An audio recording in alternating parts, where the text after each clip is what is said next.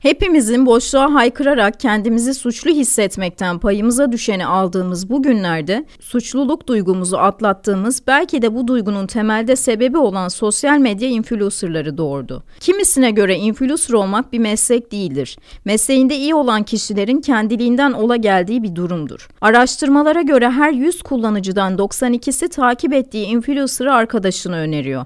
Hatta tüketim çılgınlığına hızla ürettiğimiz araştırmalarımızı da eklediğimiz bu günlerde bir araştırmada 11-16 yaş arası çocuklar arasında en çok istenen meslek %18'de doktorluk, %17'de sosyal medya fenomenliği ve %14 ile YouTuber'lık. Hayatımızda bu ölçüde etkili olan influencer'lık bir meslek midir? Kendiliğinden ola gelen bir durum mudur? Peki neden influencer olamıyorum? Sorusuna cevap aradığımız klişeler arşivinin bu bölümünde Sena Özyurt'la birlikteyiz.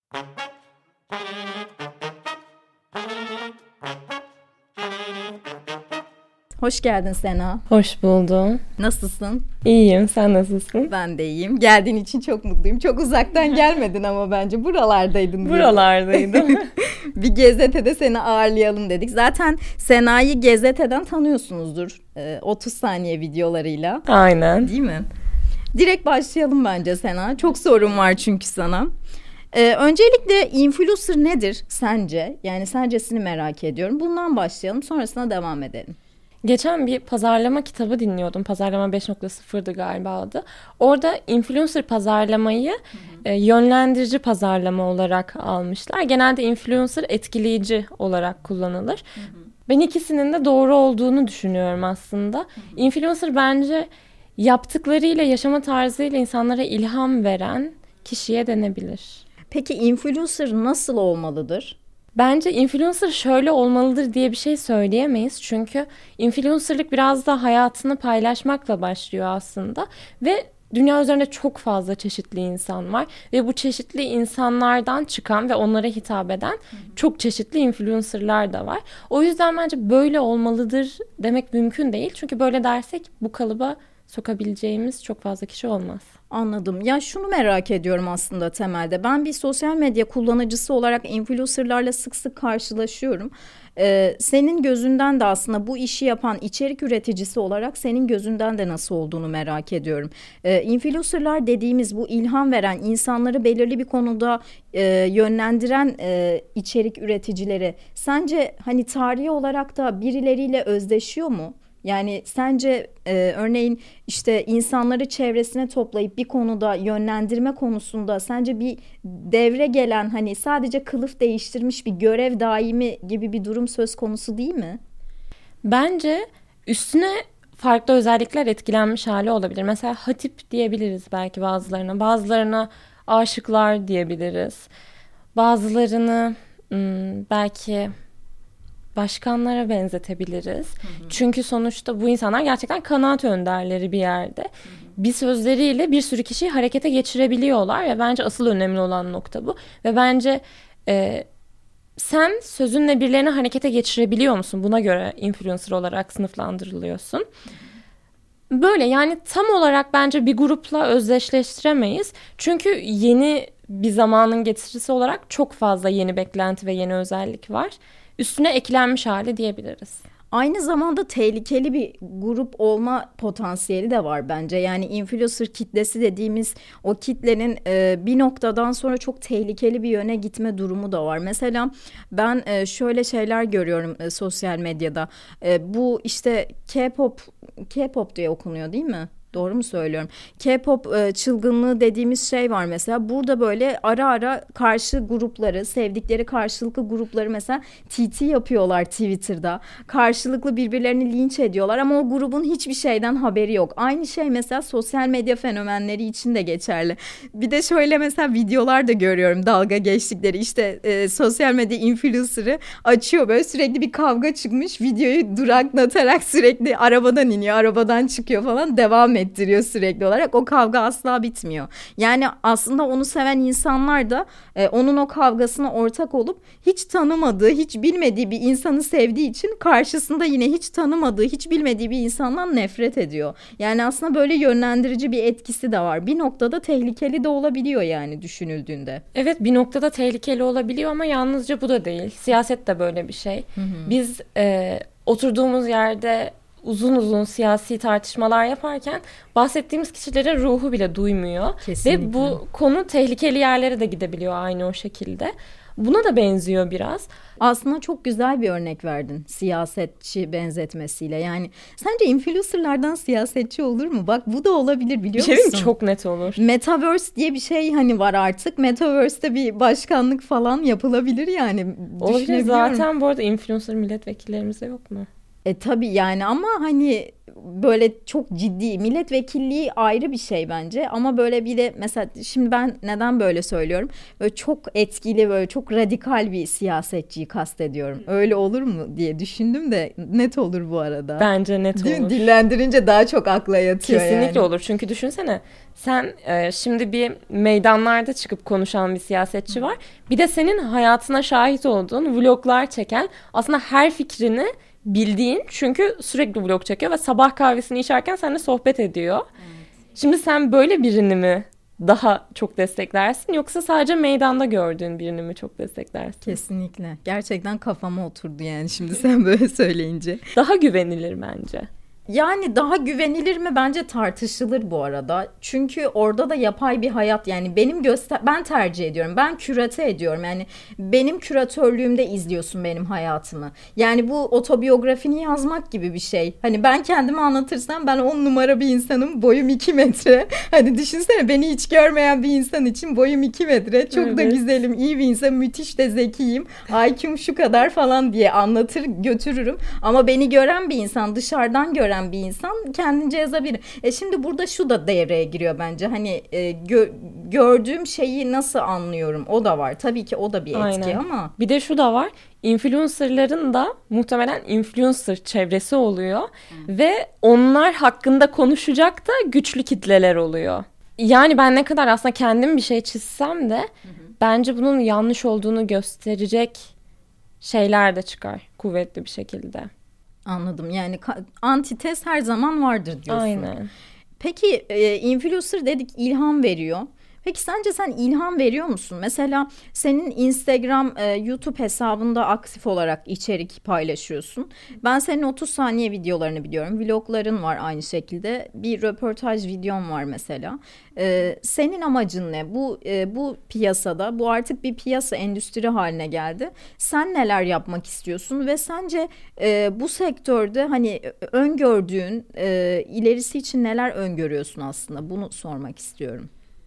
Ben bu sektöre 18 yaşında girdim hı hı. ve sürekli şu ihtiyacı duyuyordum içimde. Ben sürekli bir şeyler okuyorum, sürekli bir şeyler izliyorum ve hani o sürahi doluyor. Taşacak yani. Boşa taşmaması gerekiyor bu sürahinin. Çok güzel örnek bu arada. Bir bardakları doldur. Ha. Şöyle boşa taşmak yerine bardakları doldursa çok daha iyi olur.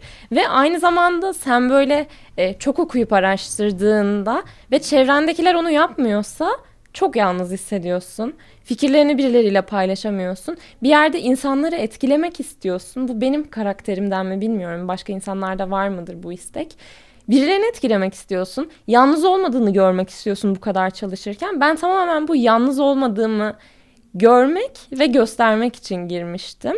Neyde yalnız olmadığımı görmek ve göstermek bu ülke için, bu dünya için, kendini geliştirmek için çabalayan bir insan var ve sen de çabalayabilirsin. Sen de hayatını çok güzel bir noktaya getirebilirsin.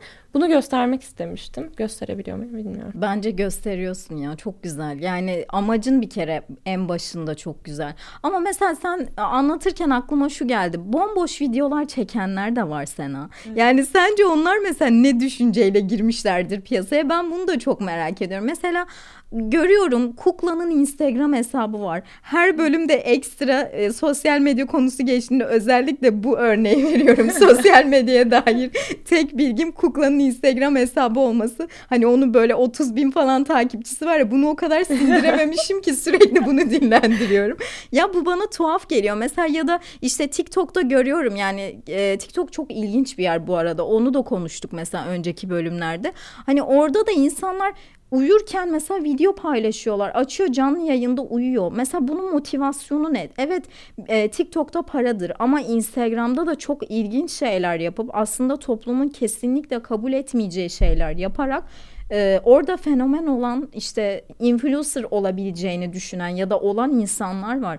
Yani sence bunların motivasyonu nedir? Ya bunların motivasyonu ben para kazanmak olduğunu düşünüyorum. Direkt çünkü gerçekten öngöremiyorsun bu sektörde parayı nereden kazanacağını, neyin tutacağını öngörmek çok zor. Ancak böyle gözlemleyerek öngörebilirsin ve bu insanlar da onları öngörmüş ya da rastgele yapmış. Canı sıkıldığı için YouTube kanalı açmış, canı sıkıldığı için TikTok'a girmiş. Sadece eğlenmek istiyor. Sonra çevresine kendi gibi insanları topluyor. Ben bu kişileri güdüleyen şeyin para ya da popülerlik olduğunu düşünüyorum. Bu arada ilham veren kişi influencer'dır dedim. Ama galiba bu benim tanımım. Çünkü sen konuşurken şunu düşündüm. Aslında ilham vermeyen çok fazla influencer var. Kardeş yanlar influencer diye geçiyordu mesela. Evet. Yani ilham veriyorlardır da yanlış bir ilham Aynen. olabilir. Yani bilmiyorum ilhamın yanlışı doğrusu olur mu? Bu etik kurallar tartışılır tabii ama. Mesela bu dünya, bu influencer dünyasında böyle e, kodamanların röportajlarını falan dinliyorum. Kodaman demek ne kadar da bilmiyorum ama. Çok yani orayı kenar güdüleyen... mahalleden geldiğini belli ettiğin için teşekkürler. yani işte bu sektöre başında girmiş ve gerçekten sektörü yönlendiren kişilerin şeylerini dinliyorum.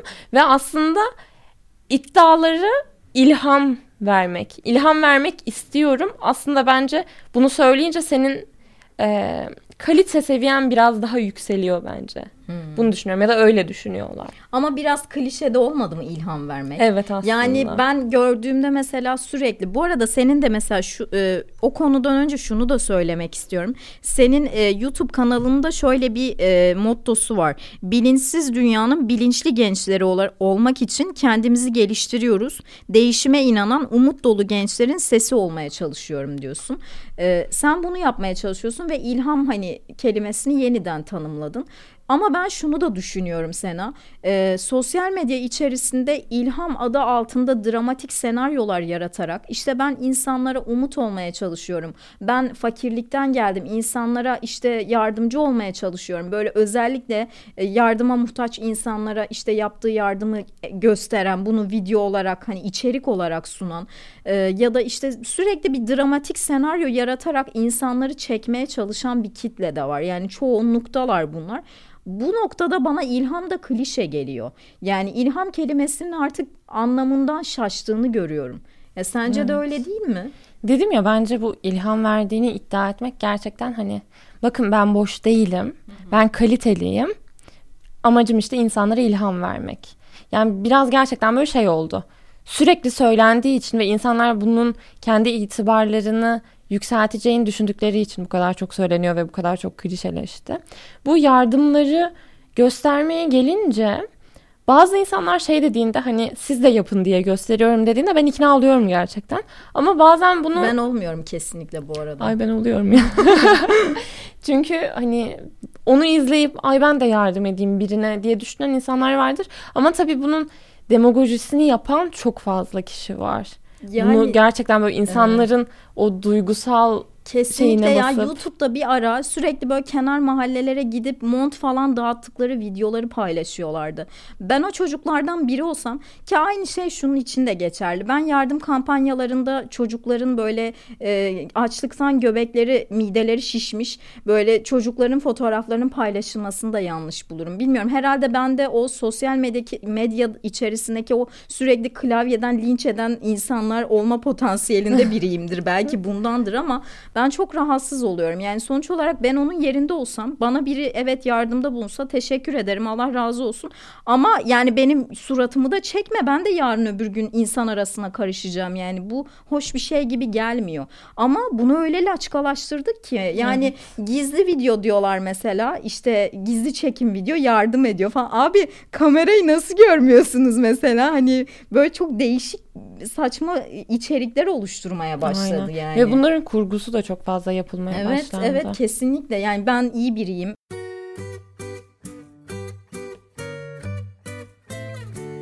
işte ben böyleyim. Bir de e, şunu da düşünüyorum bu arada bu ilham dediğimiz şey ilham veren insanlar hani e, topluluğu bu ilham kelimesinin klişeleşmesinin sebeplerinden biri de link kültürü. Link dediğimiz, link verme olayı dediğimiz şey artık linç kültürüne dönmeye başladı. Yani e, ben şu şöyle söylüyorum hatta e, link linci doğurur mu diye. Gerçekten doğuruyor bence. Çünkü sürekli her şeyin linkini veriyorlar. Yani en son zaten en çok güldüğüm şeylerden biri bir yudum su içiyor mesela. Diyor ki siz de bu şişeyle yudum yudum suyunuzu içebilirsiniz. ya abi bir şişedir yani. Bunu bu kadar büyütmeye gerek yok ve onun linkini veriyor mesela. Bu çok e, bana şey geliyor yani antipatik geliyor. Bu, bunu da merak ediyorum. Bu arada sen de link veriyor musun? Bunu evet, da merak veriyorum. ediyorum. veriyorum. Ya şöyle şimdi e, sonuçta orada şöyle bir ortam var. Ne kadar paylaşırsan o kadar çok satın alım gerçekleşiyor ve ne kadar satın alım gerçekleşirse sen de o kadar çok kazanıyorsun. Bu yüzden mesela o bahsettiğin kişiler çok çok daha fazla veriyor. Çünkü çok fazla kişi görüyor ve ne kadar çok paylaşırlarsa o kadar çok para kazanıyorlar ve o kadar çok senin özeneceğin hayatı yaşıyorlar hı hı. ve o kadar çok kişi tekrar ona takipçi olarak geliyor. O yüzden bunu yapma motivasyonum çok yüksek. Hani durumun bu noktaya gelmesi biraz da takipçiye bağlı. Çünkü benim DM kutumu açsam her şeyin linki isteniyor. Hmm. Gerçekten ve benden bile yani ki ben o kadar çok giydiğimi, içtiğimi şey yapan, paylaşan birisi değilim. İşte şalım soruluyor, kıyafetim soruluyor, bardak soruluyor. O kadar şey oldu ki insanlar AVM geziyorlar. Hı hı. Beğendikleri şeyleri fotoğraflıyorlar. Sonra diyorlar ki bunları çok beğendim. İşte e, alabilirsiniz diye bir link paylaşıyorlar ama kendisi almamış onu, kendisi kullanmıyor. Evet. Böyle bir kötü yönü de var gerçekten. Müthiş bir tüketim çılgınlığını Müthiş. doğuruyor yani. Evet. Peki şey mi? E, influencerların e, gelir kaynakları nasıl oluyor tam olarak ve Instagram ve YouTube'dan mı e, gelir elde ediyorsunuz? Instagram'dan gelir elde etmiyoruz. Hı hı. Şimdi bir Reels'lerden gelir elde etme falan diye bir şey çıkmış veya çıkıyormuş. Evet çıktı. On, yani henüz uygulanmaya ay, Türkiye'de başlanmadı. YouTube'da reklam konuluyor videonun arasında ve onlardan aslında çok cüzi miktarlar kazanıyorsun. Dolar üzerinden kazanıyorsun mesela ama yine de çok az kazanıyorsun. Çünkü işte o reklamı 5 saniye içinde mi geçti? Tüm reklamımı izledi. O reklam sayesinde alışveriş yaptın mı? Ki genelde yapmıyoruz yani YouTube'da gördüğümüz bir reklamdan. Genelde sponsorlardan kazanıyoruz. Sponsorlar mesela bizi giydiriyor ya da bize ürün gönderiyorlar vesaire. Biz de onların tanıtımlarını yapıyoruz. Sponsorlar sayesinde para kazanılıyor. Onlar mı sizi buluyorlar, siz mi onları buluyorsunuz?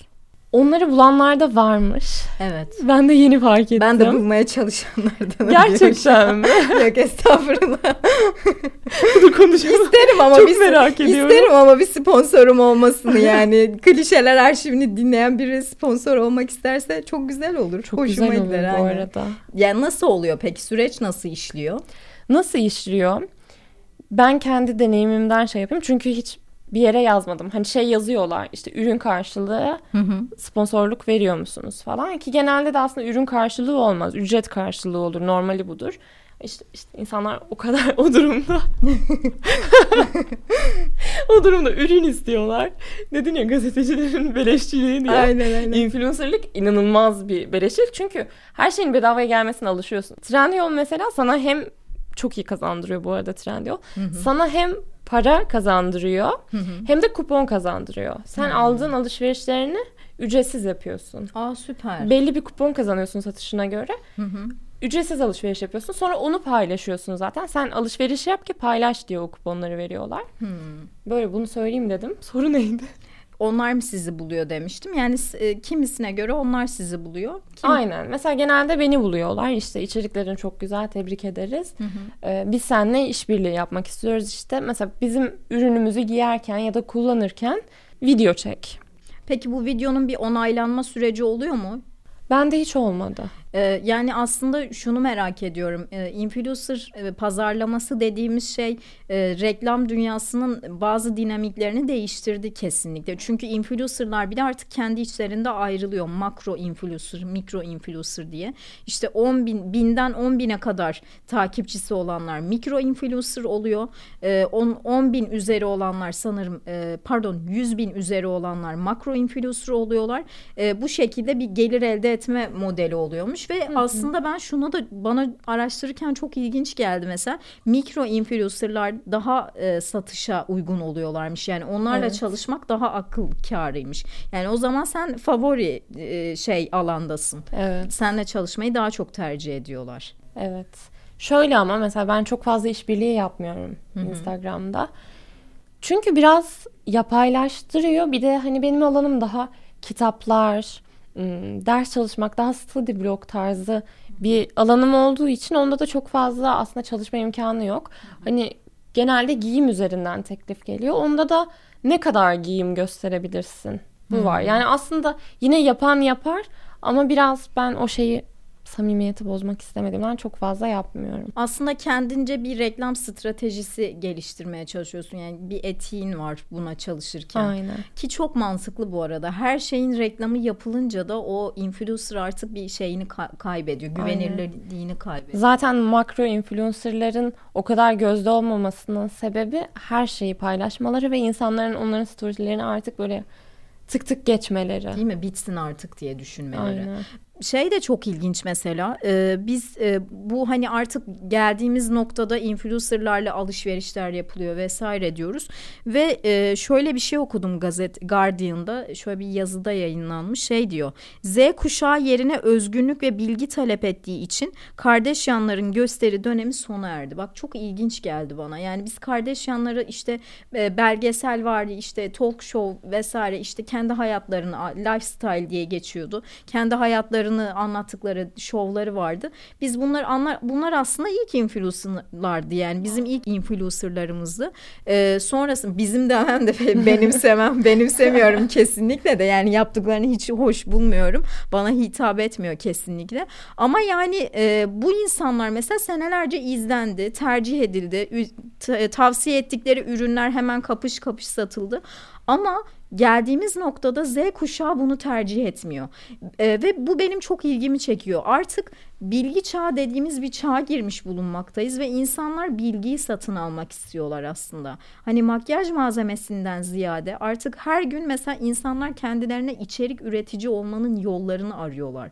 Bu da çok ilginç gelmiyor mu sana? Aslında bence e, senin de bu konuda geleceğin var. Yani sen diyorsun ki ben kıyafet markalarından ziyade yapmaya çalıştığım şey bilgi, işte study, insanlara ilham vermek, daha çok nasıl çalışabiliriz, verimli olabiliriz, bu dünya için neler yapabiliriz. Ha bu dünya için neler yapabiliriz dediğimizde hani şey 2000'lerde güzellik e, şeylerin kraliçelerini çıkartırlardı. dünya barışı getirmek istiyorum Aynen. derlermiş gibi bir klişe oluyor ama yani günün sonunda artık bilgi para ediyor mesela. Ya gerçekten günün sonunda bilgi mi para ediyor? Ben o kadar ben öyle bilginin şu anda para ettiğini düşünüyorum. Kesin. Mesela nasıl Ama para edebilir? nasıl bilgi? Bak o da var dedikoduyu da bilgi gibi satabilirsin. Öyle tilki bir dönemdeyiz bence. Hmm. Yani mesela bakıyorsun Twitter'da e, bir resim paylaşıyor adam. İşte diyor ki bu diyor bu mumya diyor. Ben tarih mezunuyum. Ondan bu gözüme çarpan şeyi söylüyorum. İşte bu diyor milattan önce 700 yılında diyor ki Mısır'da bulunan bir mumya. Bakıyorsun lan o mumya değil bir sergideki tamamen tasarım bir şey yani. Bunu ne diye paylaşıyorsun anladın mı? Kaynağın ne? Bu da bir bilgi. Bak bu bilgi. içerik ürettim ürettim. Bugün ne ürettin? Bunu paylaştım Twitter'da. Bu bir içeriktir mesela. Doğru mu? Tartışırsın. Şöyle Anladın mesela mı? etkileşim aldı. Magazin sayfaları mesela her gün içerik çıkıyorlar. Bu da bir bilgi. Ama nasıl bilgi? Hmm. Yani. Yani ben öyle düşünmemiştim bilgiyi. Ama şöyle bir şey var. Etkileşim alıyorlar. Gün sonunda yani ne kazanıyorlar? Etkileşim mesela şu anda etkileşim alan çok fazla kişi var. Hı-hı. Ama onlara sorduğunda bir şey kazanıyor musun diye. Bir ceplerine bir para girdiği söylenemez ya da hayat kalitelerinin yükseldiği söylenemez. Hı. Maksimum bu e, 4 al 3 öde ayakkabı reklamı falan yapıyorlar Hı. yani. O yüzden ben çok da para ettiğini düşünmüyorum. Çok da sattığını düşünmüyorum. Ben düşünüyorum ya. Hala. Bir de şey var ya içerik üretiyorsun vesaire vesaire ama artık şöyle düşünmeye başladım. Senin de hayatını idame ettirmen gerekiyor hı hı. ve sadece etkileşim senin hayat kaliteni arttırmıyorsa o etkileşimin de hiçbir manası yok. Ya yani bugün beni 600 bin kişi izlemiş. Evet. O bana bir şey kazandırmadıysa izlemese de olur diye düşünüyorum ben. Ama çünkü sana yani evet. Çünkü bu değer kavramını izlenme ve beğenilmeden biçmiyorum kendime. Hmm. Yani şöyle şimdi mesela ben düşünüyorum o kadar saçma şeyler para ediyor ki. Hani ama bilgi de bir noktada bence para ediyor. Yani bilgiyi nasıl sunduğun da önemli. Yani sunma taktiğin de önemli. Mesela Medium'da ben çok takılıyorum. Çok oradaki yazıları takip ediyorum. Her gün şunu söylüyorlar. İçerik daha kaliteli içerik üretebilme işte. Kürasyonları hep bu şekilde çıkıyor mesela. Daha iyi içerik, daha iyi nasıl yazılır? Bunlar vesaire. Hani daha clickbait dediğimiz şey de var ya artık hani tıklanma için yazılan şey. YouTube mesela bundan gidiyor yani evet. tıklanacak şeyler ya da e, son dakika haberlerine baktığımızda mesela diyor ki öyle bir şey yaşadı ki. Ne yaşadı? Tıklıyorsun adam normal yolda yürürken düşmüş yani. Ama tıklıyorsun.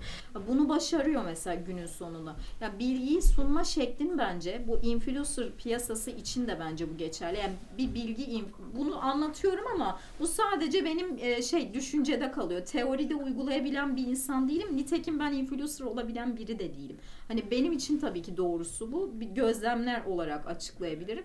E, pazarlama stratejisi gerekiyor biraz da. Evet. Ve bunun için de biraz açıkçası tilki olmak gerekiyor evet. sanırım. Yani hani biraz böyle bu e, etik formlarını gevşetmen gerekiyor. Evet aynen. Öyle olman gerekiyor ki bu medyada kendine yer bulabilesin yani. Şey çok zor mesela. Her şeyi kaynakçalandırıp paylaşmak çok zor. Çünkü o zaman 10 tane şey paylaşacaksan 4'e düşüyor kesinlikle bu. Çünkü ilgi çekici şeyler paylaşman lazım. Yani sadece verdiğin bilginin bir önemi yok aslında. İnsanlar onu duymak da istemiyor. İnsanlar böyle dinleyince wow gerçekten mi diyecek ve gidip onu arkadaşına anlatacak. Ben hep bu yoldan çıktım buradan yola çıktım. Mesela 30 saniyelerimi de tamamen bu kafayla yapmıştım. Dedim ki ben böyle öğrendiğim ilginç şeyleri arkadaşlarıma anlatmayı bayılırım ve aşırı heyecanla anlatırım. Hı hı. Yaşarım yani onu anlatırken. Hissediliyor 30 saniye videolarında da. Evet ve dedim ki arkadaşlarıma anlatıyorum. O zaman bunu başkalarına da anlatabilirim. Bu şekilde yola çıktım mesela ve ilginç oldukları için izlendi zaten. Yani aslında orada senin yaptığın şey de bir strateji. İlginç olanları seçmek aslında. Yani sadece bilgi evet bunu öğrendim ama ne işime yaradı? Merak uyandırdı mı mesela? Hani işime yaramıyorsa bile merak uyandırması günün sonunda etkili. Aynen kesinlikle öyle hap bilgiler, tarihi bilgiler vesaire ilginç değilse gitmiyor. Değil mi? Yani zaten diyorum ya e, Twitter'da mumya fotoğrafı diye Aynen. bir sergide yayın, e, gösterilmiş bir işi paylaşması mesela bu ilginç geldiği için Hı. yapılmış bir şey. Ya evet sosyal medya çok ilginç bir yer ve her gün gerçekten her gün değişiyor. Ya her gün de değil aslında her dakika diyebiliriz bence bunu dakikaya indirebiliriz. Bence. Değişen ve gelişen bir yer ayak uydurmak müthiş zor. Biz teknolojinin içinde büyümemize rağmen Hı. zor aslında. Yani bu teknolojiye doğmayanlar için ekstra zor olduğunu düşünüyorum. Çünkü bir de içerik üreticisiysen çok hızlı olman gerekiyor. Kesinlikle öyle. Bir şeyleri diğerlerinden önce senin öğrenmen Ondan sonra hemen onun hakkında bir şeyler yazman ve basit ve, yazman herkesin evet, anlayacağı şekilde. Aynen. Ve onu direkt anlatman gerekiyor. Mesela ben şey yapmaya çalışıyorum. Bir kere yaptım. Mesela bana çok ilginç gelen bu bir haber sadece. Lut kavminin helak oluşu bilimsel kanıtlara dayanmış. Dedim ki wow hani çok ilginç gerçekten. Evet. Ve bunu anlattım. Çok güzeldi gitti. Ama şey istiyor. Devamlılık istiyor. Sürekli aktif olmak. Hı-hı. Sürekli arayışta olmak istiyor. Yani algıların hiç, hep açık olacak. Aynen. Hiç 9-6'sı yok. Kesinlikle. Belli saatleri yok. Yani aslında biz dünya olarak kocaman bir medya şeyine döndük yani. Hani mesela evet. biz GZT'de de ben böyle çalışırken fark ediyorum içerik üreticileriyiz ya. Hani aslında editörler, video hani kurgu yapanlar dahi mesela içerik üreticisi olarak geçebiliriz bence. Çünkü sürekli olarak yeni bir şeyler öğrenmeye çalışan yani ekipteki herkes fark ediyorum. Yeni bir şey öğrenip bunu böyle insanlara anlatmaya çalışıyoruz. Yani genel olarak bu aslında burada büyük bir içerik üreticileri topluluğu var. Yani değişen dünyaya ayak uydurma bizimkisi. Öyle düşünülebilir. Evet. günün sonunda. Evet gerçekten bence güzel bir sohbet oldu ya. Biraz böyle ufuk açıcı oldu. Yani daha üzerine düşünülebilir gibi diye düşünüyorum ben. İyi ki geldin. Çok teşekkür İyi ederim. Ki çağırdın ben de. Çok bir soru daha ederim. soracağım sana. Tabii. Genelde konuklar bu sorudan hoşlanmıyorlar. Keşke önce söyleseydin düşünüp gelirdim. şey özel hayatımla ilgili magazin çeviriyormuşum. Tıklansın bu bölümde diye. Ya şunu merak ediyorum. Ee, influencer klişesi. Bana bir influencer klişesi söyle. Çünkü klişeler arşivindeyiz ve biz her hafta bir klişeyi konuşuyoruz. Çok sordunuz. Çok sordunuz kesinlikle. Çünkü çok sordunuz deyince insan zannediyor ki 20-30 kişi falan sordu. Halbuki 5 kişi soruyor.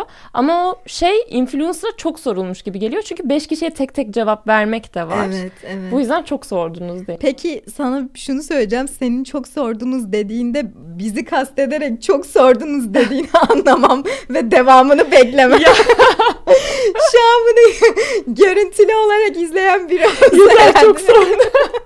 Kalk. Biraz aklı kıtmış galiba diye düşünüyorum.